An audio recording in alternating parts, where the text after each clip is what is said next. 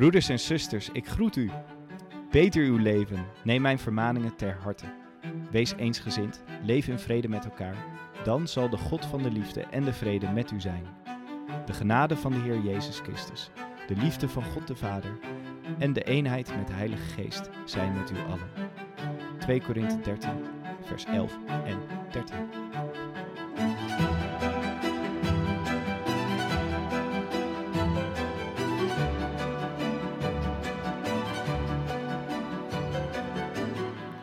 Zusters, broeders, heidenen en alles ertussenin, van harte welkom bij de achtste aflevering Vrome Praatjes. Een podcast voor zoekende christenen en onchristelijke zoekers. Deze week begeven Bart en Koen zich op het gebied van de drie-eenheid. Het drieluik der drieluiken wordt begonnen met het gesprek over God de Vader. We spreken over het tekortkomende concept God, verwarren Abba de Vader met de hitjes van een Zweedse band en vragen ons af wat we er nou eigenlijk allemaal aan hebben. Dit waren, zijn en worden Vrome Praatjes.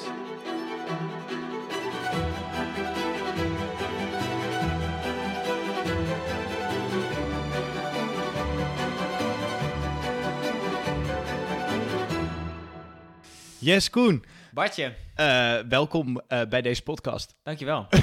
Jij ook welkom. Dank je. Spinsel nummer 8. 8. We hebben, je zou denken, spinsel nummer 8, dan heb je dus twee drie luiken en één losse gehad. Ja, dat Ja. klopt. Inderdaad. Ja, heel goed, Koen. Hey, ehm, Bart, we hebben net een drieluik afgerond. Namelijk een beetje het christelijke leven. eh, dat van een, een jong, jong iemand. Ja, we zijn gestopt bij het huwelijk, want dan sterf je. Ja, de, de- huwelijk is de, de piek en daarna ben je er wel klaar mee. Ehm, en wij dachten, joh, dat, dat drieluik, dat is gewoon een succesformule. Dat is Ja. gewoon eh, Ja. de... de Alle, goede, alle goede dingen komen in drie, hè? Dat is een uitspraak. Ja, dat is waar. Een threesome. nee, Ja. maar we, we zagen gewoon de miljoenen luisteraars binnenkomen op die drie luiken. Ja. En eh, dus dachten we, nou, never change a winning recipe. Dus dachten we, we gaan maar naar gelijk het hoogste drieluik der drieluiken in de Ja, ik eeuwigheid vind der eeuwigheden. De, ja, ja, De idee drieluik. ja, namelijk De Triniteit. ja, Vader Zoon. en Heilige Geest. Yes. Wij dachten, we gaan ons even wagen aan iets heel, iets heel ingewikkelds. We Ja, hebben eigenlijk iets ja. triviaals. We hebben nu, we hebben nu twee, twee drieluiken gehad. Eentje, ehm, geloof, hoop en liefde. Ook iets, misschien iets geestelijker. Ja, Eh, Iets abstracter Iets abstracter. Ja. Terwijl het vorige drieluik over het christelijke onderwijs, studentenleven en zettenleven wat concreter was. Ja. En we dachten, we gaan hem nu weer proberen iets eh, abstracter in te, eh, te gaan en iets meer de theologische eh, materie in. Ja. Ehm, en natuurlijk proberen we het ook een beetje zo luchtig mogelijk te houden. En dus daarom ben ik benieuwd, Bart. Hoe was je zondag? Hoe was mijn zondag? Ja, ik, ik had wel een fascinerende zondag, moet ik vertellen. Ik, ik was voor het eerst in mijn leven in de kerk van de Nazarener. Dat is een, een, een kerkgenootschap die internationaal best wel groot is. Ehm, en eh, komt uit een methodistische beweging. En dat is dan weer in Engeland ontstaan vanuit eh, de Wesleys, John Wesley. Nou goed, dat is allemaal Oké, kerkgeschiedenis. ja. Boeit, boeit heel weinig mensen. Het is een soort van evangelisch, maar meer sociale gerechtigheid kant op. Oké. Ja, ja. Eh, ik weet niet of ik het zo helemaal goed samenvat eigenlijk. Zo komt het in ieder Beetje geval Miga- over. Miga-achtig. ehm, Ja, I guess. Zou kunnen. Ik, ik vind het heel moeilijk te plaatsen, maar dat vinden ze zelf allemaal heel erg leuk dat het ongeveer zo is. Dus Ja. ik denk dat het dan goed is. En het was wel, het was, ik vond de mensen waren heel erg lief. De preek was echt hartstikke goed.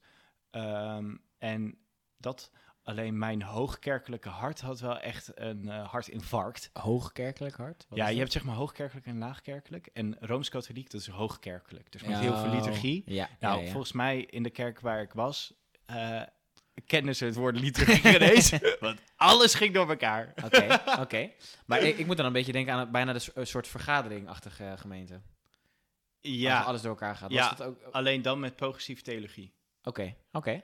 En wel, ja, nou bijvoorbeeld, aan, dat is leuk om te vertellen. Ja, ja, ja, ja, ongeveer wel. Ja. Nou, wat ik echt koude grappig vond, is dat dus een soort van het kinderteam of het tienerteam had een vergadering tijdens de kerkdienst.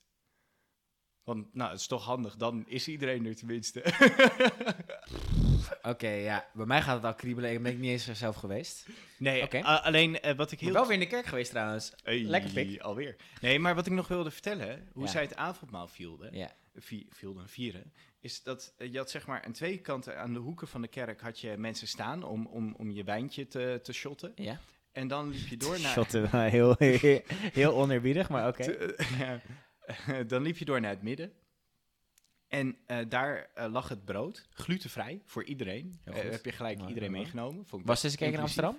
Nee, nee, Amersfoort. Oh, oké. En, en dan pakte je het brood en dan moest je dat geven aan degene tegenover je die ook aankwam lopen. En dan kon je iets zeggen, bijvoorbeeld God houdt van je of het lichaam van Christus Oh, of, dat wel of, mooi. of zoiets. Of, dat. Ja, ik vond het heel bijzonder. Ik, had het, ik, ik moet zeggen, ik ben echt, echt wel in een aanzienlijk aantal kerk, soorten kerken geweest, maar ik had dit nog nooit gezien. Nee? Dus eh, dat, it was a first. Ja, leuke nieuwe ervaring. Ja. Mooi. En hoe was jouw zondag? Goed, ik ben eh, bij mijn eigen kerk geweest. Weer voor het eerst in een, eh, in een lange tijd. In, in Amsterdam. In Amsterdam, ja, de Liberty Church. Ehm, ik zit even op te graven wat, wat ik daarover te melden heb. Ehm, los van dat het een prima dienst was. Ik was te laat, dus ik moest er helemaal achterin zitten. en Ik moest zelf een stoeltje pakken. Ehm, weet je nog waar de preek over ging? Nee. ja, dit is echt heel erg. Ik, ik, ik, Ik hoor het- en maar zie ik- je graven. maar ik wist- ik We hebben al- content nodig Nou voor ik deze wist- podcast. Je hebt niks. Nee, ja, ik heb... Nee, maar ik, ik kan het wel toelichten, want... ehm, Je was... nee, ik ben gewoon net, net begonnen met werken. Ja. En ehm, om een of andere reden, de weekenden zijn gewoon echt om bij te komen. En ik merk gewoon dat ik echt gewoon gaar ben in het weekend. Ehm, en dus het was een beetje een automatische piloot kerkdienst voor mij. Ja. Ik, ik stapte op mijn fietsje, ik ging naar de kerk, ik ging zitten, ik zong mee, eh, ik deed mee, ik luisterde op zich mee. Maar ehm, ja, dat luisteren was eigenlijk meer horen dan luisteren, denk ik. Oh, wat diep. Ja, dankjewel. dankjewel. Ehm, dus dat is geen goede zaak. Oh, ik ben echt vergeten. Oh nee, wacht. Het was een het was visiezondag. Dus het, was, het ging best wel over waar de kerk voor staat. En het was niet zo super theologisch inhoudelijk. Oké. En Ja, heb je daarna nog wat gedaan? Eh, koffie gedronken met eh, wat, eh, wat kerkgenoten. Ah. Dus dat was prima. Mag. En verder dus echt helemaal niks uitgevoerd. Omdat ik gewoon moe was. En ik had een bruiloft gehad dit weekend. Dus ik was ook daarvan aan het bijkomen. Dus de ouderdom, echt het christelijk settelen. het gewoon... het christelijk real. sterven Gewoon- is al in, in, in, in- Ja, komt, komt ja. al in de buurt. Dus, dus tot, tot dusver mijn zondag. Maar prima dag gehad.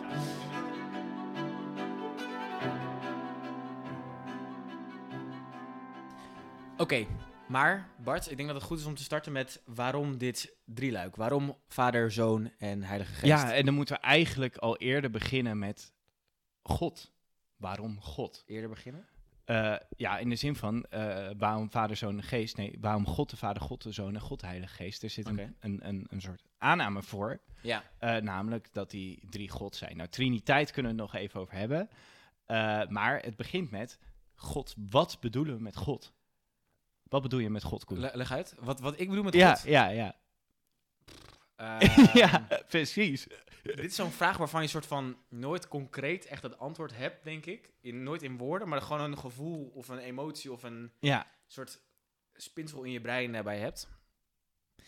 Ehm, een soort concept. een concept, ja, zonder daar echt woorden aan te geven. Maar dat ga ik nu toch proberen te doen. Ja. Dus luisteraar, bear with me, want ik ben nu hardop aan het nadenken. Wat is God voor mij? God is een soort Nee, maar nu, wat is God? Nog niet eens, wat is God voor jou? Wat is God? een, een entiteit, een wezen, een bestaan, die eh, een energie misschien wel, die achter de oorsprong van het bestaan zit. Ehm, en die daarin kan interveneren. Ehm, daarin kan begeleiden. En zowel in een, een hele grote vorm bestaat als in een hele persoonlijke vorm bestaat. Is dat, is dat, is dat het juiste zit- antwoord? tien? nee, maar ik vind het al heel... Kijk, de, de theologen in mij, die eh, alle radar eh, gaan draaien. maar maar niet omdat, omdat ik denk, oh nee, dit klopt niet, dit klopt niet. Nee, maar gewoon dit is de exercitie van theologie. Dit is theologie. Het proberen, trachten te spreken over God. Proberen trachten te spreken. Oké, Ja, ja. Ehm, omdat we tekortschieten.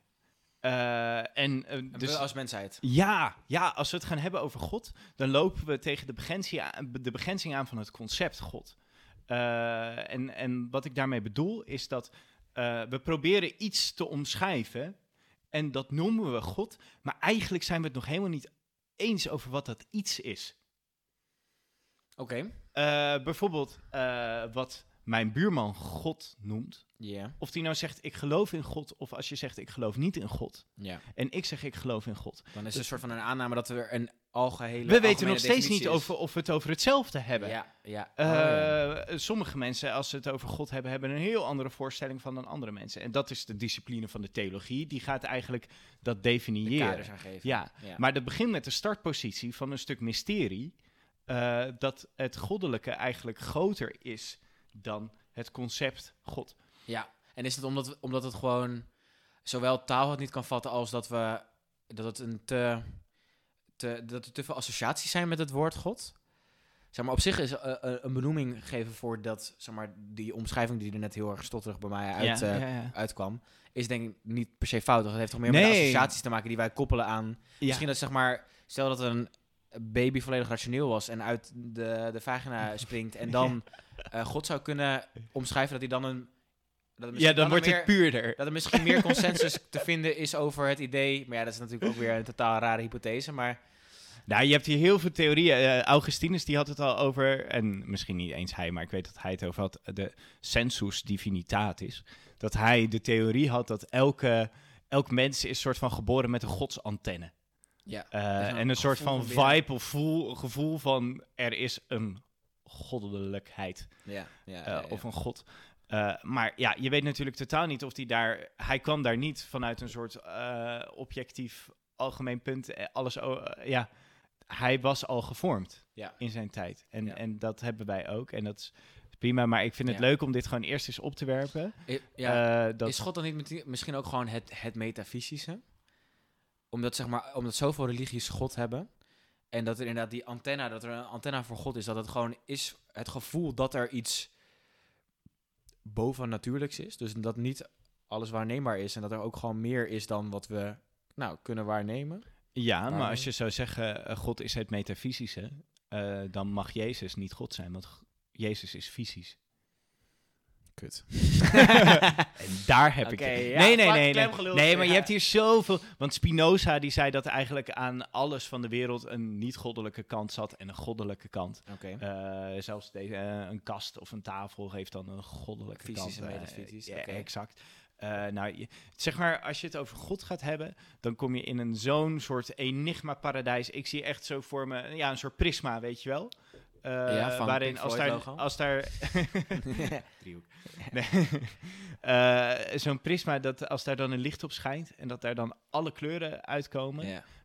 eh, dat, dat, eh, wat ik bedoel te zeggen is dat, dat, dat wat wij proberen aan te duiden met het woordje God, Ja. dat is een groter gebeuren ja. dan wij kunnen vangen in taal. Oké, dus waar wij in deze podcast eigenlijk proberen eh, ingewikkelde dingen simpeler te maken, hebben we nu iets misschien wat relatief simpels ingewikkelder gemaakt. Oh, Dankjewel Bart Bolhuis. Bij deze mijn bijdrage en nu jij En- succes maar ermee. Waar, eh, waarom vond je het belangrijk eh, om die vraag eerst te stellen en waarom zeg maar is het, want oké, nu is de consensus, nu zijn we het erover eens, oké, wat God is, ja, dat is ook maar wat wij, hoe wij dat invullen. Nou, dat zou ik nog niet eens willen zeggen. Wat ik me- meer ermee wil zeggen is, eh, het is soms goed om even eh, te proberen van, van buiten te reflecteren op eh, alle vooraannames die je al hebt. Oké, ja. Maar die vooraannames zijn niet verkeerd. Want wat je dus ziet in de christelijke theologie, waar wij ons toch een beetje in eh, proberen te be- begeven, Ja. dat mensen zeggen, ja, hey, dit probleem is er. Dus wil je überhaupt iets kunnen zeggen over God, ja. dan moet je beginnen bij Jezus. Want Jezus is de openbaring van God. Oké. Jezus zegt, ik ben gekomen om jullie de Vader te doen kennen. Eh, en eh, de Bijbel getuigt van God.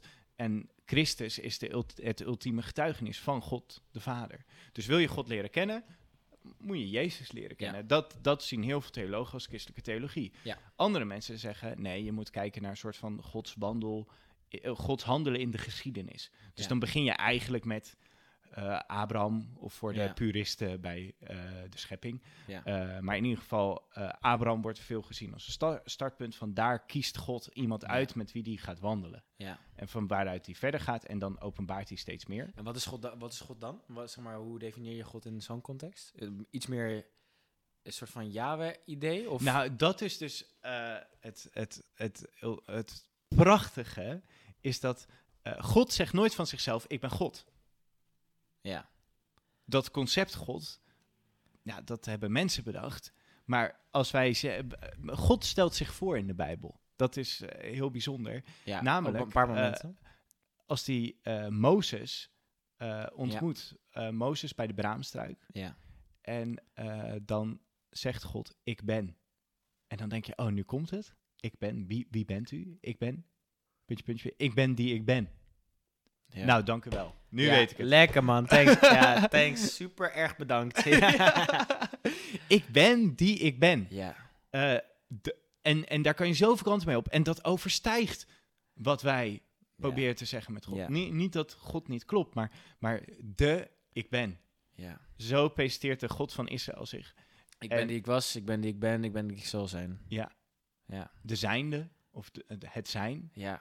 Eh, je kan ook allerlei cross-referenties gelijk aangaan met nog andere religies, Ja. maar die exercities zullen nu niet starten. Oké. Eh, maar goed, ik denk dat het leuk is om daarmee te beginnen, omdat ik denk, oh, ik wil, wat, wat ik daarmee even in wil brengen is het, het overstijgende Ja. Eh, en het mysterie. God is mysterie. Ik, Oké. ik, ik, vind- ik vind persoonlijk, ik zeg niet dit is absolute waarheid, Ja. maar dit is voor mij wat ik het makkelijk, als ik iets moet zeggen over God, dan is het eerste woord mysterie. Ja, is het, is het niet ook een klein beetje makkelijk? Omdat je dan een soort van... ehm, nou, dat is misschien te kort door de bocht, maar dan... ook- ja, dan wees maar ont- kritisch. Dan onthoud je jezelf ook van alle verantwoordelijkheid om hem te proberen te duiden. Omdat je toch al hebt geconcludeerd dat hij een mysterie is. Ja. Niet dat ik het oneens ben met Nee, het idee. Ik denk dat het heel goed is om God vooral niet te veel... Op een gegeven moment niet te veel te duiden. Maar is dat dan niet te makkelijk? Dat je God gewoon... Nou, God is mysterie. Ja, we zullen hem toch nooit snappen. Of is het misschien juist door al het kraken en deconstructie dat jij in je studie hebt gedaan... dat je zegt van, nou ja, toch kom ik op, steeds weer op dit punt. Nou, het is wel een punt waar ik steeds weer op uitkom. Alleen, eh, het, het leuke is, in het Nieuwe Testament zie je heel vaak van die teksten dat het mysterie is onthuld. In Jezus. Jezus. Oké. En dat ik merk dat ik in mijn leven wel toch soms het idee heb, hé, hey, ik, ik snap een hele kleine fractie. Of ik zie iets, Ja. er wordt ergens een, een soort, soort eh, eh, hulsel opgelicht. Ja. En dan zie ik toch iets van wat ik denk dan dat, dat wie of wat God is. Ehm, Oké. Alleen het laat ons bescheiden spreken, omdat dat, Ja. dat is het andere. God is God. Heilig. eh, boven ons, zeg maar. Ja. Zoveel groter dan wie wij zijn. En wij zijn maar mensen. Ja. En eigenlijk is het een soort van wel humor dat hier Koen, Koentje en Bartje samen zitten te praten over de ik ben. Ja. Ja. Ja, ik denk dat hij ook... Dat is bijna ja. iets om stil van te worden. Ja, ja, ja, ja. Ja, dat is wel vet, ja. Wat zou het mysterie daarvan vinden? Ja. Nou, dat, ja. Maar oké. Ja, maar nu moeten Ehm, we verder. Ja, we moeten... Wat, ik wat, moet wat zou het verder. mysterie daarvan vinden? Dan moeten we verder. Nou ja, ehm, want dan, dan ga je een beetje, dan je een beetje door in wat, wat voor mij ook een groot mysterie is. Althans, ik vind veel, ik kan best veel in de Bijbel eh, begrijpen. Ofwel eh, in de eh, context. Niet dat ik, ik dat kan begrijpen, maar ah, jij snapt het ja, allemaal. ik heb het allemaal uitgevonden.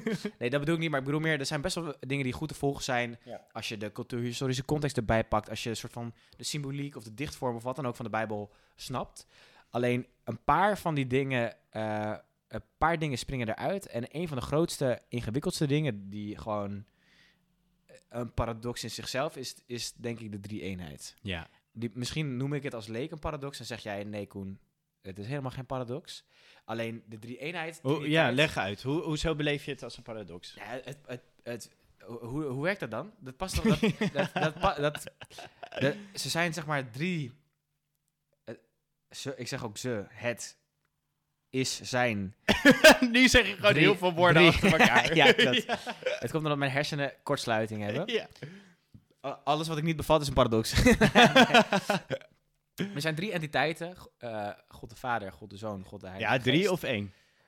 Die één entiteit zijn. ja, zie je, zie je waar, ik, eh, waar ik stuk loop. Dus, eh, en ze, ze, soort van, ze werken samen en God stuurt, of stuurt dan de, zijn geest, of Jezus laat zijn geest ach- achter. En God heeft zijn zoon gestuurd naar de aarde. Ja. Ehm, ehm, en bijvoorbeeld op het moment dat, dat Jezus eh, eh, gedoopt wordt, een soort van echt de, soort van de, de zalving, de kroning van Ja. Jezus. Oké, van jij bent een legit dude. ja. Ehm, als dat, dat is dan een eenheid, dus dan dus komt Jezus' zijn stem uit de hemel nee. over zichzelf. Van jij bent mijn geliefde zoon. ja. En dat zegt hij dan over zichzelf. En dan komt, er, komt, komt hij in de vorm van een duif op zichzelf. en zeg maar, dus dat, daar komt het, men, het menselijke, het personificerende van, van God Jezus. ja, het loopt Geest. helemaal een soort van spaak. spaak. Ja. Dus die drie eenheid, waar, waar komt die drie eenheid vandaan? Wa- waarom is dat een vorm die wij dan hebben gegeven? Jij hebt de antwoorden namelijk, dus ik vraag het ook aan ja, dan Is mag dat, ik het hier zeggen. ja, is dat de vorm. Help mij uit het mysterie. Is dat de vorm die wij daaraan hebben gegeven? Is dat soort van... Is dat iets inherent goddelijks? Of Ja, ik weet... Ik, ik, kan je dat iets duiden? Nou, Please? sowieso is het leuk om te beseffen dat in het Oude Testament... het- het- in de Bijbel staat niet... Drie eenheid staat er niet. Eh, en de, de, de, de christelijke real ones onder ons, die weten dat. Christelijk. Maar, maar mocht je de Bijbel niet hebben gelezen... Nou, Voor de noobs die de Bijbel niet hebben gelezen. Waarom luister deze podcast überhaupt? Eh, nou, iedereen tune nu uit.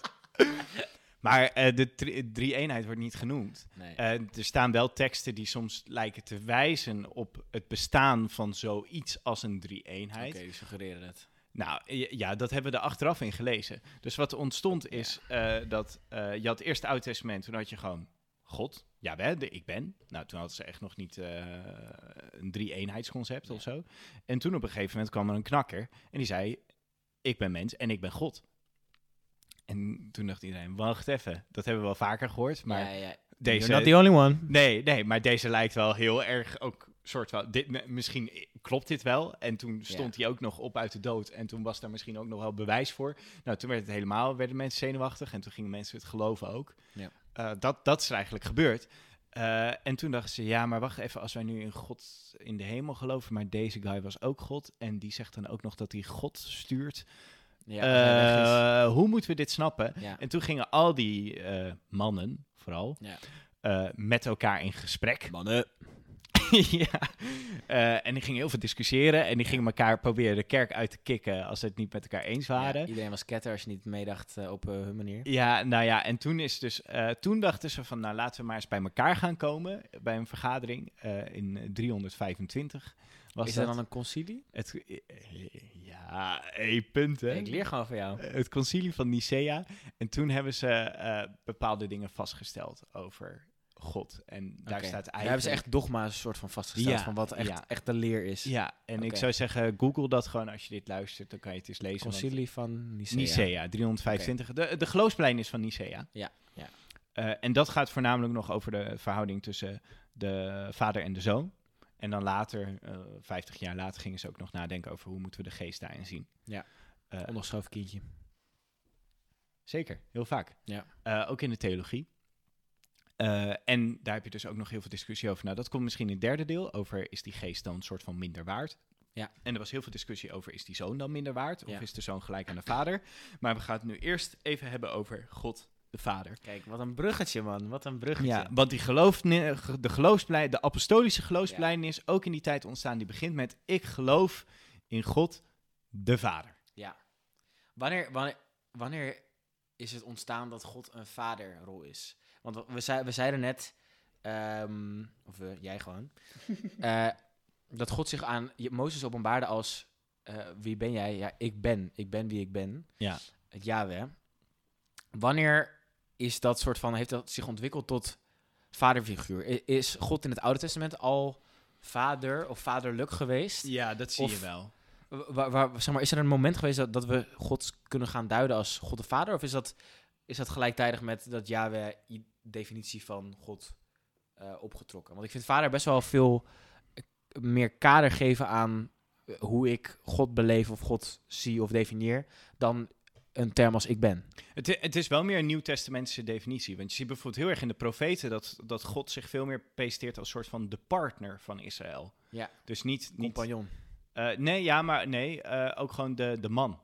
En Israël is eh, de, vrouw, de hoer. Vooral, want eh, God Ja, beschuldigt eh, zijn vrouw de hele Ja, tijd ja, van dat zijn vrouw vreemd gaat.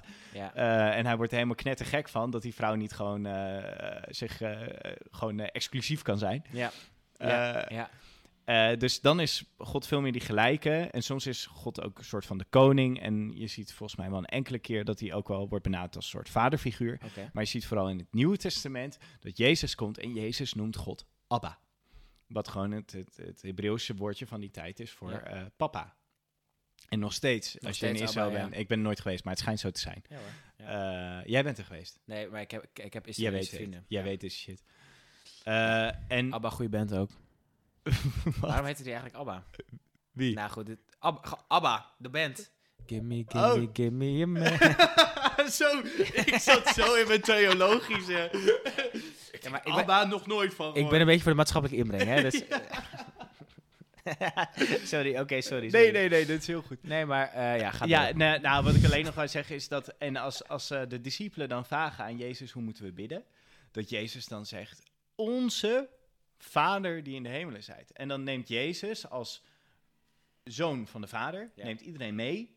En dan mogen wij als zijn discipelen God ook papa noemen. Nou ja, eh, de, de hoofdaanklacht tegen Jezus was toch ook dat hij zichzelf de zoon van God noemde. Ja, de zoon van de Vader. De zoon van de vader. Ja. Ja, ja zoon impliceert vader natuurlijk. Ja. Ja, maar Ja, Je- tegenwoordig. Jezus komen we ook straks op. Ja. Eh, en Maar oké, maar dus, dus dat is wel een beetje... Er zijn wel meerdere momenten waar- waaruit we kunnen concluderen... Oké, hier is een soort van vaderrol ja, aanstaande. Maar even op een andere tak, want we zijn nu lekker aan het theologiseren geslagen. Maar ehm, laten we dit nou even gewoon aannemen. Want hier hebben heel veel mensen heel lang over nagedacht. Ja. Wij hebben hier nu net eh, tien minuten even een beetje Ja. overlopen. Al bijna ontkracht, maar... nee, nee. Ehm, wat zegt dat jou? Wat, wat doet dat met jou, God als Dat vader? God a- een vader is. Ehm, Durf, jij dat, durf jij dat te zeggen? God is mijn vader? Of is God de vader? Of is God een vader? ja, God is de, va- eh, de vader, denk ik. Mijn, ik vind, weet- om een of andere reden, mijn vader, dan, dan vind ik dat ik mijn aardse vader tekort doe. Als ik zeg mijn vader, dan denk, dan denk, dan denkt mijn pa, joh, hè? Ja, er was er What, ab- what about me? ja. Eigenlijk kon alleen Jezus dat legit zeggen. Ja, nee, dus ehm, mijn vader. Nee, ik, ik, ik, als ik zeg maar, als ik nadenk ook over hoe ik bid bijvoorbeeld, dan is het wel, is het lieve, lieve vader. Dus het is gewoon bijna de naam geworden, meer dan de rol. Hmm. Alleen ik denk wel, soort van vanuit hoe ik, eh, hoe ik mijn beeld gevormd heb van God, is dat hij wel, door hem vader te noemen, is het ook wel een beetje een, een vaderfiguur. En bij vaderfiguur heb ik dan de connotatie een soort van een, een voorziener, een, een coach, een begeleider, ehm, en op een manier een autoriteit. Niet, niet dat mijn vader nou een eh, enorme bazige au- autoritaire man is, maar ik denk wel gewoon dat de vaderfiguur ook wel een beetje nou, autoriteit, wijsheid mag Ja. uitstralen. Ehm, dus het helpt mij denk ik om bepaalde eigenschappen aan mijn God toe te schrijven. En tegelijkertijd vind ik het ook, ja, mijn vader, of dat, dat doe ik dan niet, maar de vader, dat schetst dus wel ook een soort ouderlijke relatie, wat het ook weer, weer intiem maakt. Ja. En dus, dus die, ehm, die twee kanten van enerzijds aut- autor- autoriteit, voorbeeldfiguur, ehm, voorziener, en anderzijds wel ook vader en dus gewoon ook je eigen bloed, relatie eh, tot, dat brengt hem wel ook wel weer dichtbij. Dus ehm, Er zit ik hier... vind het wel mooi. Ja, ik, ik vind het heel tof hoe je dat zegt. En ook heel fascinerend, omdat ik denk dat er ook wel heel veel soort van stereotypen... eh, Daddy in zit.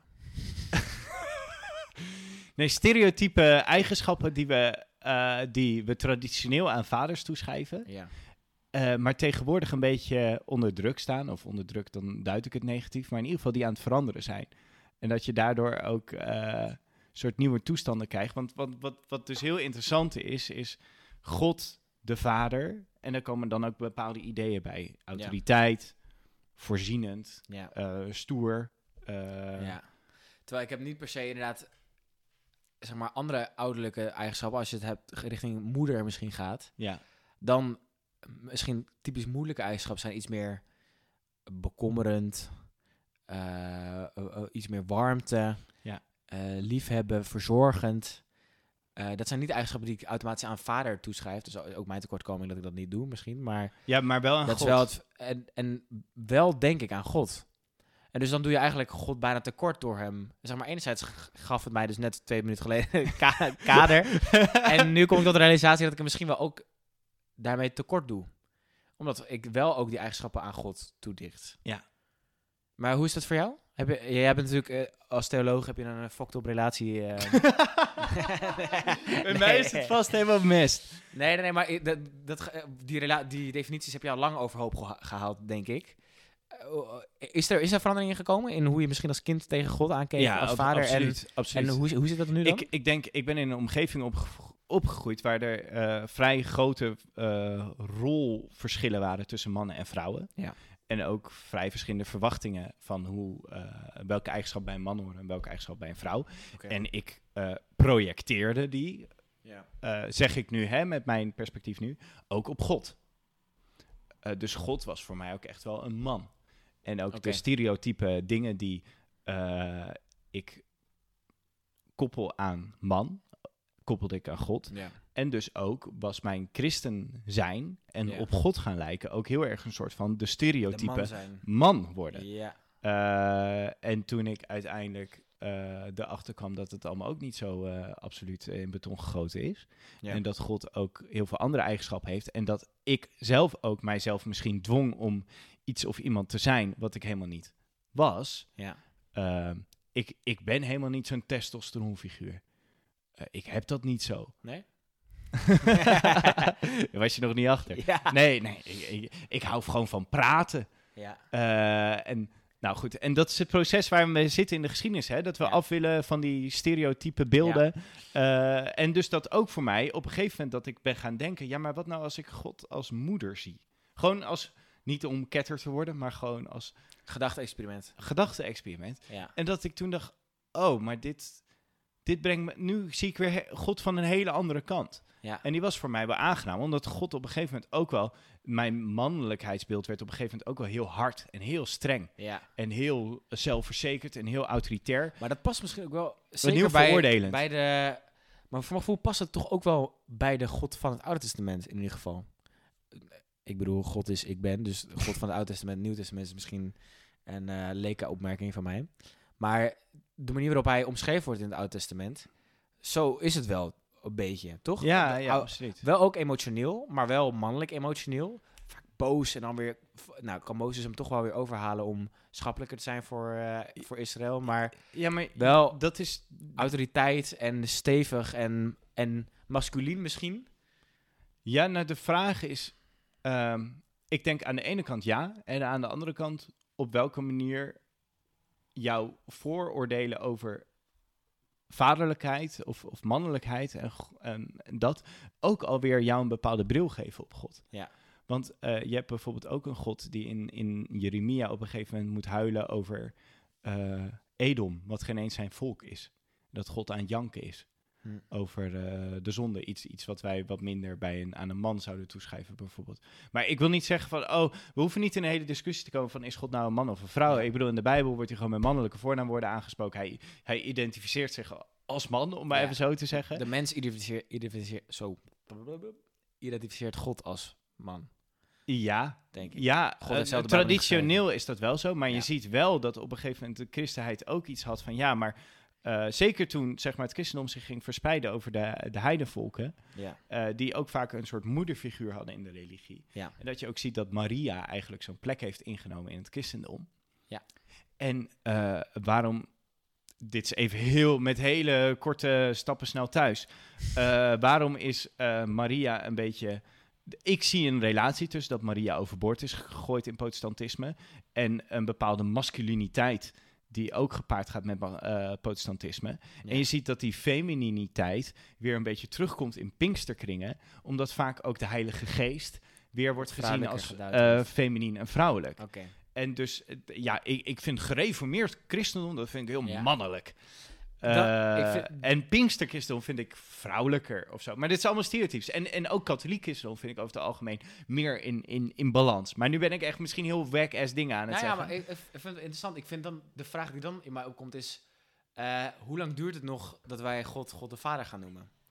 Ik denk wel als we een soort van, ehm, dat de Vader ook bepaalde, ehm, eh, ik, ik, ik heb zelf denk ik met de Bijbel eh, uiteraard geïnspireerd ehm, door de geest. Althans, een soort van, daar wil ik me niet aan branden. mijn vingers niet aan branden. Mag je wel Ehm, zeggen, denk ik hoor. Maar ehm, wel ook vanuit een bepaalde tijdsgeest en een bepaalde opvatting. eh, die eh, hoort bij een paternalistische samenleving. Waarin de man eh, de hoofdrol eh, speelde. Nou ja, eh, Jezus was een man. Een soort van historisch correct, dus dan, nou, fair enough. Maar hoe lang duurt het nog dat we God per se God de Vader moeten noemen? En wanneer gaan we misschien wel God de, De ou- de ouder Ja, noemen? eh, Zeg maar, denk je- het denk je dat gebeurt- het kan- gebeurt kan wel sommige. Het gebeurt sommige. Ik was laatst in een kerkdienst. Ja. Eh, er was een roze viering, dus dat, dat richt zich op, op queerpersonen. ja. En daar eh, sloten we af met een zegen waarin God werd aangesproken met onbepaalde of onbepaald genderneutrale voornaamwoorden. Ja. De die en hen. Denk je, denk je dat dat... ehm, is dat gevaarlijk? Of denk je dat het een prima ontwikkeling is die, waarin we vooral niet eh, te knapachtig moeten doen? Ik, ben hier ik niet, ik, ik zal heel eerlijk mee zeggen, ik ben hier niet over uit. Omdat ik niet hou van kramp.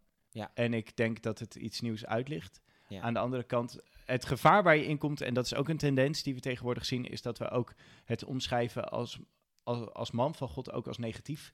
Dat we de Bijbel gaan herschrijven, weet je wel? Dus dat we straks ook een Bijbelvertaling krijgen waarin eh, alle mannelijke voornaamwoorden Ja. opeens zijn. Dat zie ik, ik ja, zie dat hebt- wel als een soort van de escalatie hiervan. Ja, Eh, dat, dat we ook de Bijbel gaan herschrijven en gaan zeggen, ja, het wordt eigenlijk inclusiever. ja. Als we God ook Ja. eh, met genderneutrale Ja, je hebt- voornaamwoorden Je hebt natuurlijk, eh, vertalen. dat filmpje ken jij denk ik ook wel van, die, van het eh, congreslid in, het, Ja. in de States. Die, eh, die kunnen we wel even erin knippen. Ja. peace across this land. And dare I ask, O Lord, peace even in this chamber, now and evermore. We ask it in the name of the monotheistic God, Brahma, and God known by many names, by many different faiths. A man and a woman. Dat is super lief bedoeld. Ja. Alleen het g- slaat wel de plank mis in de zin van... ehm, dan ga je echt inhoud verschuiven. Omdat één man heeft natuurlijk niks met eh, het geslacht te maken. Alleen, ehm, dus dat is een beetje de keerzijde misschien. Dat het enerzijds heel erg, soort van heel erg breed en open bedoeld is. Dat het congres is dus eh, waarschijnlijk een ontzettende christen. ehm, maar die wel een soort van ieder, iedereen en alles erbij wil betrekken. Dus lief bedoeld. Ja. Alleen wel misschien een beetje doorslaat in een soort van taal verheffen tot het doel in plaats van middel. Bijvoorbeeld. Ja. Ja, ik, ik, ik, ik- ja, ik vind het wel mooi hoe jij dat zegt. Hoe voel jij je erover dan? Vind je het ongemakkelijk? Ehm, nee, eigenlijk niet. Ik denk dat ik God, ik wil God, überhaupt ben ik wel van mening dat taal al- altijd wel God tekort zal doen. Eh, dat is gewoon het meeste wat wij als mensen kunnen. En dat is ons gebrek. God is altijd meer dan hoe we hem kunnen omschrijven. Ehm, en dus ehm, is, het, is God de Vader zijn handvat waarmee we hem kunnen begrijpen. Ja. Eh, alleen ik denk dat God ook als vrouwelijk kan worden omschreven eh, in eigenschappen. Voor mij is hij op een gegeven moment dus ook een moederhaan. Ja, Of ja moederhaan, en, en hen die de en een hen. kuikens bijeen wil ja, eh, ja, dus hij wordt zeg maar dus... Ja, en God heeft de mensen als evenbeeld mannelijk en vrouwelijk geschapen. ja. Dus ik denk dat je juist, zeg maar, het, het helpt ons om God als vader te begrijpen. En zeker in de culturele context.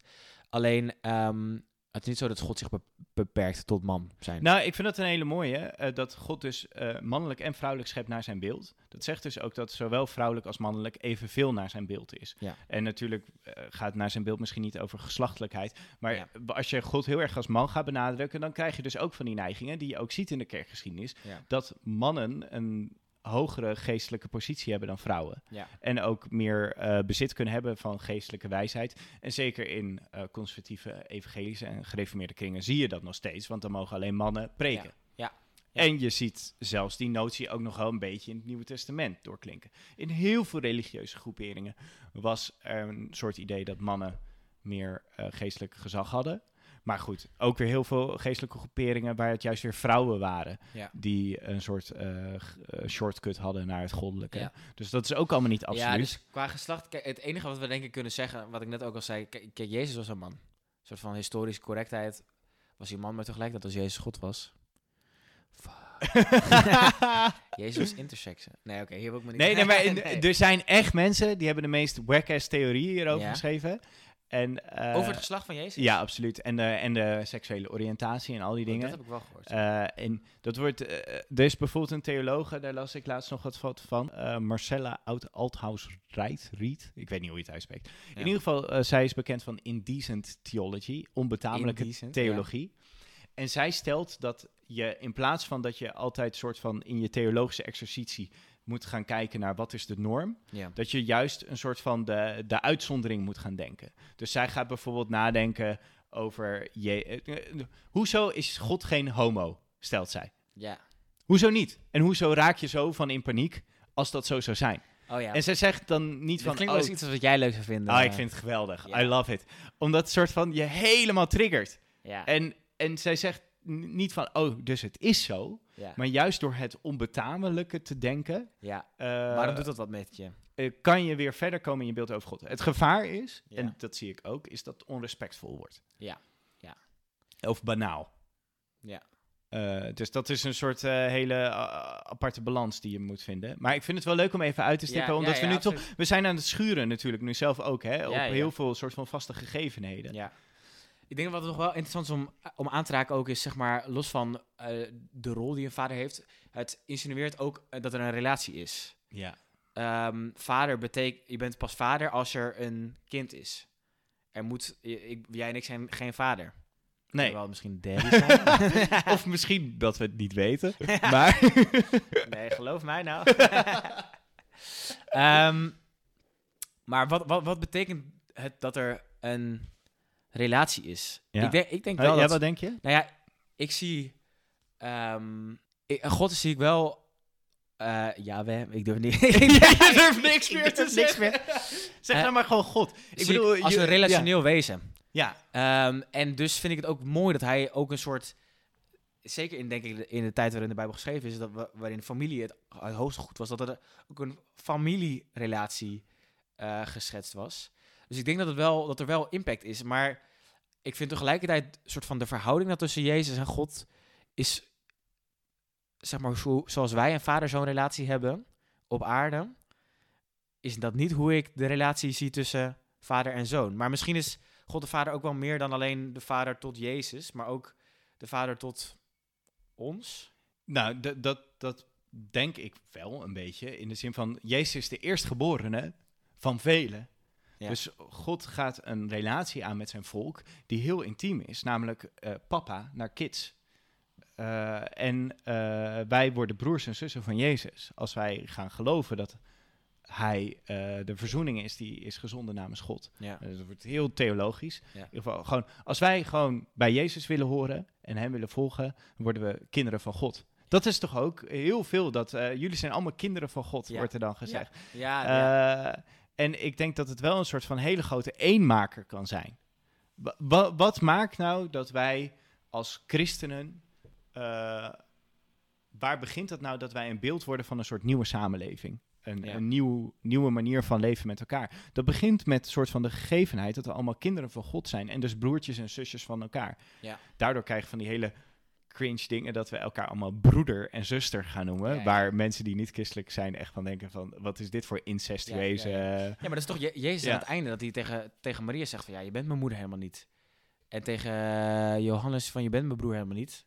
Of zegt hij dat wel? Huh, wat zeg je al wel? Nou ja, maar, nee, maar een soort van dat hij ehm, beetje uh, kat, Nee, eh, kattig hij- is tegen zijn moeder en tegen Johannes, dacht ik. Misschien die Nee, heb je hij, Johannes zegt, erbij hij gehad. zegt tegen Johannes en Maria van... eh, moeder zie uw zoon en zoon zie uw moeder. Ja, dat. Maar hij zegt Ja. ook van, joh, ehm, die familie, dat Ja. zal me wat. Degene die eh, leven zoals eh, God hun aanbevolen heeft en God erkennen als Heer, dat zijn mijn broers en zussen. Ja. Dat bedoel ik. Ja. Sorry voor de verbastering. Nee, nee. Maar ehm, dat hij dat ook heel duidelijk schetst van, oké, je hebt een nieuwe familie. Of misschien zegt hij dat wel tegen de discipelen. Als hij zij, zegt dat tegen de discipelen. als zij weg die moeten gaan vragen, van hun, Die eh, vragen iets van wie... Maar dit hadden we beter kunnen voorbereiden misschien. Ja, nee, maar, ik sta- maar oké, Ja. we, we komen, we komen er wel. Maar dus, dus die, die lijn in ieder geval, die, die is denk ik dan Ja. wel, wel duidelijk. Dat God, of Jezus in ieder geval heel erg duidelijk schetst. We zijn broers en zussen eh, als kinderen van God. En dus misschien is Jezus dan de opperzoon. Ja, ja bijvoorbeeld. Maar Opperhoofd. Hij wordt Ja. ook hoofd van de kerk genoemd. ja, Christus is het hoofd, dus maar hij Jezus is hij is zelf ook de vader, dus... Nee, Je- Jezus is niet de vader. Oké, even heel, heel kort gezegd. Ja. Eh, drie personen, één wezen. Ja. Dit had misschien aan het begin gemoeten. Dus drie personen. Dus Jezus is niet de vader, Jezus is Jezus. En de vader is de vader en de geest is de geest. Eh, die delen in hetzelfde ene wezen. Ze zijn niet te scheiden van elkaar, maar wel te onderscheiden. Maar, maar Jezus is wel ook God de Zoon. Ja, Wel- Jezus wel is God, maar niet de maar vader. Oké, daar, is- daar zit het onderscheid in. Ja, want anders heb je ehm, unitarisme. Dat is een soort Dat naam echt- voor een dat het ketterij. echt alleen één is. Ja, dan heb je gewoon één wezen. Ja. Zeg maar, je kan bijvoorbeeld een god hebben die morft. Ja. Eh, snap je wat ik bedoel? Dus die, Ja. eh, die verandert van gedaante. dat is maar maar dan dan heb idee je- van frequente omschrijving van God. God is, kan ijs, Ja, water en damp zijn. Ja, dan het heb je een soort van één... H2O is, maar wel drie vormen van H2O. Ja, maar dan heb je één wezen en één persoon. Ja. Terwijl we hebben één wezen en drie personen. Ja. Die samen in die... Wist je nog dat we het hadden over die goddelijke dans? Ja. Samen een beetje aan Jensen Ja, zijn. liefde. Ja, eh, maar dat zijn drie personen die interrelationeel contact hebben. Dus God is relationeel in zichzelf. Ja. Dus die drie personen hebben... Ja. Ik ben nu gewoon alleen maar theorie aan ja, het ja, spuien, dus maar eh, om het samen te vatten, om zeg maar mezelf te corrigeren van net. Ja. Jezus deelt in het God zijn, maar niet in het vader zijn. Prachtig. Ze zouden jou moeten hebben uitgenodigd voor die Ja. eh, concilie van Nicea. Mijn bachelordiploma theologie mag naar heb mijn adres worden gestuurd. En ik heb hem zelf geen eens. Oeh, pijnlijk. Nee, maar, Oké. maar, maar de- even van de abstractie, want Ja. eh, dat is prima. Maar ehm, God als vader voor jou persoonlijk. Ja. Dat de ik ben jouw vader is, Koen. Ja. Ja, lijp, maar heel abstract. Ja? Ja. Wat moet ik daarmee? Wat betekent dat voor mij? Ik weet, ik weet, dat weet ik toch niet? Ik, ik denk dat ik het heel vet vind. Tegelijkertijd heel onvatbaar. Eh, en tegelijkertijd van I, I'm not worthy of zo. Mhm. Waarom, waarom wilde ik ben het grootste wat er is? Wat alles om ons heen een soort van eh, ingelegd heeft. Wil ook mijn vader zijn. Ja. En de relatie met mij aangaan. Dat is iets. Ja, eh, iets humblings. Iets. ongrijpbaars. Dus ik weet niet zo goed hoe ik me daartoe moet verhouden. Los van dat denk ik dat het gewoon heel vet is. Maar ook, ja, wat heb, wat heb ik eraan? ik vond het zo mooi. Ja, ik zat bijna al... De, de tranen kwamen Ja. al in mijn ogen. Ja, maar ik vond het ook te mooi, dus daarom dacht en ik... toen ik- kwam er opeens een... Maar wat heb ik eraan? Nee, maar niet als op een disrespectvolle manier. Gewoon maar letterlijk de vraag, wat heb ik eraan? Niet op een retorische manier, maar, ja. maar wat, wat, he- wat, wat, doe, waarom, wat heb ik eraan dat Ja. God mij... Maar dat is misschien ook wel een hele 21ste eeuwse vraag. Wat heb ik eraan? Ja, dan komt weer het postmodernisme, bla bla nee, bla. nee, nee, niet Ja. postmodernisme, maar gewoon dat het allemaal nut moet hebben. Oh, oh, ik dacht meer dat het over mezelf Zeg maar, ging. het, ja. het feit dat God gewoon een relatie met jou wil. ja. Dat, ja, nee, dat maar, is... jij vraagt hoe ik me daartoe verhoud en dan denk ik, Ja. ja, wat heb ik eraan? En dan op een niet sarcastische manier. maar voor jou? Hoe, hoe, als Oh ja, vraag- goede ontwijking. Nee, maar ik, Ik wou heb, nog ik heb, doorzagen. ik- jongen, ik heb geprobeerd, maar ik kom gewoon niet tot een antwoord. Mijn lekenbrein kan het niet, Bart. Ja, maar oké. Dus daarom wil ik het van een theoloog horen. Ja, maar voor mij, ik, ik zet nu de theoloog uit. Want als ik de theoloog aanzet, dan krijg je dan hele komen er niet. Nee, oké. kut antwoorden. Ja. Eh, Wat denkt Bart Bolhuis? De politicus. gewoon Bart Bolhuis, de mens, Ja. die... eh, eh, te onderscheiden van Bart de niet-mens. De theoloog, ja. ja, ja, de theoloog is de niet-mens. De robot, ja. Ehm, nee, ik, heb, ik voel gewoon een bepaald contact met God. Eh, wat gewoon persoonlijk is. Als ik gewoon bid tot mijn vader in de hemel, die mij lief heeft, die voor mij zorgt en om mij geeft en mij inspireert en mij helpt om met woede om te gaan of met verdriet of met blijdschap. Eh, en die mij wijsheid geeft door zijn geest, ga ik dan een beetje vanuit. Het zou wel wat meer mogen zijn, want soms doe ik nog gewoon wel domme dingen. Ehm, maar ik probeer wel zo'n contact te hebben met God en ik voel dat ook wel echt zo, als waar hij soort van wel een, ja, een, een vader, een ouder, eh, waar ik ook uit voorkom. Ja. Ik ben wedergeboren, uit God geboren Ja. door zijn geest. Dus ik heb ook deel aan die goddelijke natuur gekregen. Niet, misschien, ik ben niet God geworden zoals Jezus, maar je, je, je, je, je hebt wel deel gekregen ook aan, aan, aan die goddelijke geest en Ja. die gezindheid. En dat is in mij komen wonen. En niet dat ik dat elke dag ervaar, maar ik probeer het wel te geloven dat het zo is. En ik merk ook dat het mij verandert als ik dat probeer te geloven. Oké, maar dat is best wel een persoonlijke opvatting van God. Ja, Komt dat, komt dat door die vaderrol, denk je? Zou als God eh, ik ben alleen was, alleen was, dan ben je ook alles. Maar oké, nou, je ziet dat ik dus echt heel veel moeite hiermee heb. ja. Maar eh, denk je dat dat komt omdat dat die vaderlijke rol soort van vanuit de christelijke eh, theologie aan God wordt geschreven? Dat, pers dat persoonlijke? Nou ja, dan kom je dus weer, waarom ben ik christen? Is Ja. omdat ik toch geloof dat er iets van God onthuld wordt in, in Jezus. Oké. En omdat Jezus mij vertelt dat God niet zomaar de ik ben is, maar de ik ben is vader. Ja. En ik dat op een, een of andere manier ook nog geloof ook. Ja. Eh, en dat een realiteit is voor mij in het leven. En eh, om het uit te leggen is, daar kom ik ra- rationeel helemaal niet uit. Maar ik kom er ook niet vanaf. Ja. Dus dan moet ik het maar gewoon erkennen. Ja. En Ik kom er niet vanaf. Oké.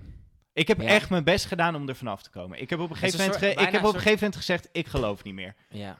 Maar het lukte me niet. Bijna, bijna academisch, dat je een soort van gaat proberen het te ontkrachten. En als dat niet lukt, dan is het dus bewezen. Een Nee, hypothese. ja, maar ik kan het, sterker nog, ik kan het rationeel ontkrachten. Ja. Alleen alsnog emotioneel kom ik er niet vanaf. Ja. Oh, vet. Nou ja, ja, I don't know. Er zijn ook sommige mensen die denken, waarom kan je het rationeel ontkrachten? Het is toch gewoon waar. Ja. Eh, terwijl voor mij, rationeel kom ik er niet uit. Rationeel kom ik niet tot geloof. Nee. En rationeel eh, denk ik dat ik eerder niet geloof dan wel. Maar dat geloof zit bij mij ergens op een andere plek. Ander spectrum. Een ander spectrum. En daar is het gewoon hyperlevend. Ja. Dus daarom noem ik mezelf voluit christen. Maar kan ik ook zeggen, ja, ik snap er echt geen klap van. ja. Dus ook Triniteit, weet je wel? Ja. Ik vind het fascinerend. Kunnen we helemaal over een boom over Ja, opzetten. En ja, op het ja. einde kan ik zeggen, ja, ik, ik snap er geen hout van. En rationeel vind ik Ja. het ook nog een beetje ongeloofwaardig ook. Ja. En toch op een, een of andere manier geloof ik het. Ja. Frustrerend. Ja, bijna wel. Ja. Zullen wij proberen hier eh, chocola van te maken? Bart? ja, ja, mooi. Door naar de conclusie? Yes.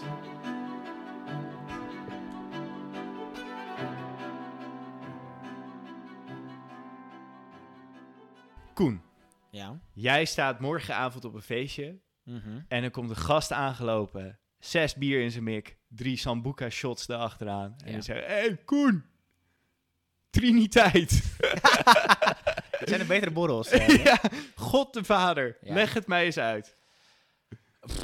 Dan denk ik dat ik eerst moet braken van de zes biertjes. En... Oh nee, hij had het op. Ja, jij bent ja, in, in dit scenario is een beetje, ben je volstrekt nuchter Ja, of ben je ja, op hetzelfde niveau? Eh, ik sla eerst een kruisje. Eh, Oké, Triniteit en God de Vader. Ehm, nou, wat, wat, me, wat mij oprecht wel net geholpen heeft, wat, toen ik zei dat Jezus ook God de Vader was, dat je zei ho ho ho, dat ze, ehm, dat ze drie personen zijn die delen vanuit dezelfde eenheid.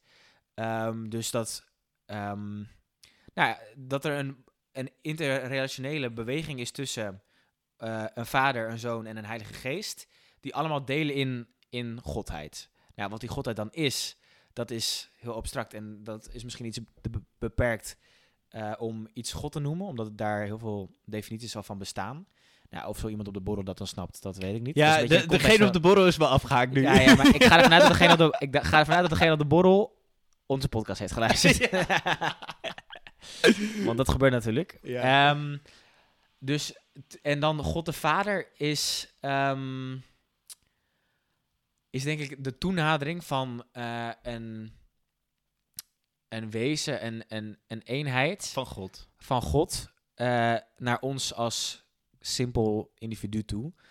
Eh, en tegelijkertijd het feit dat God een toenadering zoekt tot ons, maakt ons fascinerende wezens, denk ik. Ja. Dat, dat God de moeite neemt en de energie steekt in jou en in mij, dat maakt...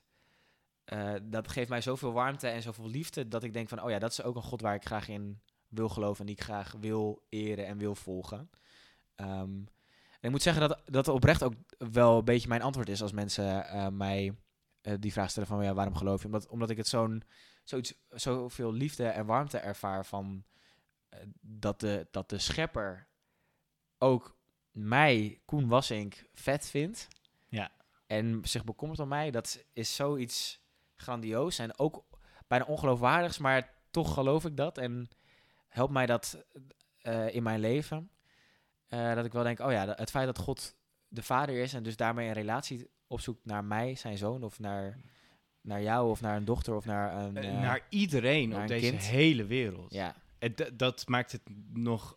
Ik bedoel, jij bent best leuk hoor. Alleen, Thanks, los van dat, zeg maar, ook alle andere mensen. allemaal broeders en zusters. Ja, maar, maar ook, ook die, die maloot eh, die me eh, vanochtend nog bijna van de sokken reed, Ja, zeg maar. Ook die. ja. God wil ook zijn of haar vader Ook die zijn. gast met zes speels en drie zijn boek aan. God wil ook zijn vader zijn. Ja. Eh, en ehm, dat is zo bijzonder. En ik denk dat ook wel. ehm, ja, ik denk dat we eigenlijk wel een soort van. eh, haast een soort evangeliserende oproep neer kunnen leggen. We willen daar natuurlijk heel erg. voor... in Ja, ja, ja. Nu komt toch die, zend, die zendeling. Acht, acht afleveringen en we hebben hem hoor. We hebben hem. zendeling komt toch nog boven. Maar, maar ja, dat, dat het gegeven dat God zich presenteert als vader. In ieder geval in de christelijke traditie.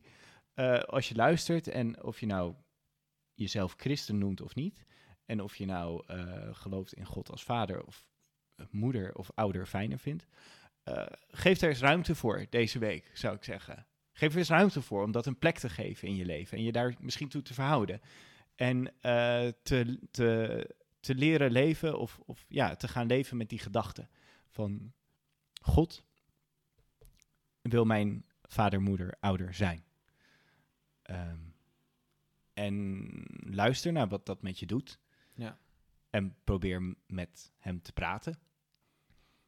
I don't know. Ja? Kan, kan geen kwaad, toch? Ja? En Ja. misschien levert het wel wat op. Ja, en, en dan om, om toe te voegen aan die oproep, denk ik dat het ook eh, heel goed is om deze week ehm, naar de Vrome Podcast op Instagram te gaan.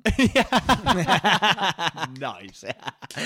en op Twitter. ja. Eh, volg ons daar vooral eh, en, en eh, zijn, laat dat ook vooral de kanalen zijn waarop jullie ons kunnen bereiken. Met Yes. ideeën, kritiek, lofzang. Heb jij je hele eigen trinitarische theorie of ketterij? Ja. Eh, superleuk. Hit ik lees us het up. door. Ja, absoluut. Dank als je het hebt gered tot eh, dit fa- deze fase van de podcast. Ontzettend leuk dat je weer of voor het eerst luistert. En we hopen je heel graag volgende week te zien, te, zien, te, horen, te laten luisteren naar aflevering 9 over. God, de zoon. Ciao. Ciao, ciao.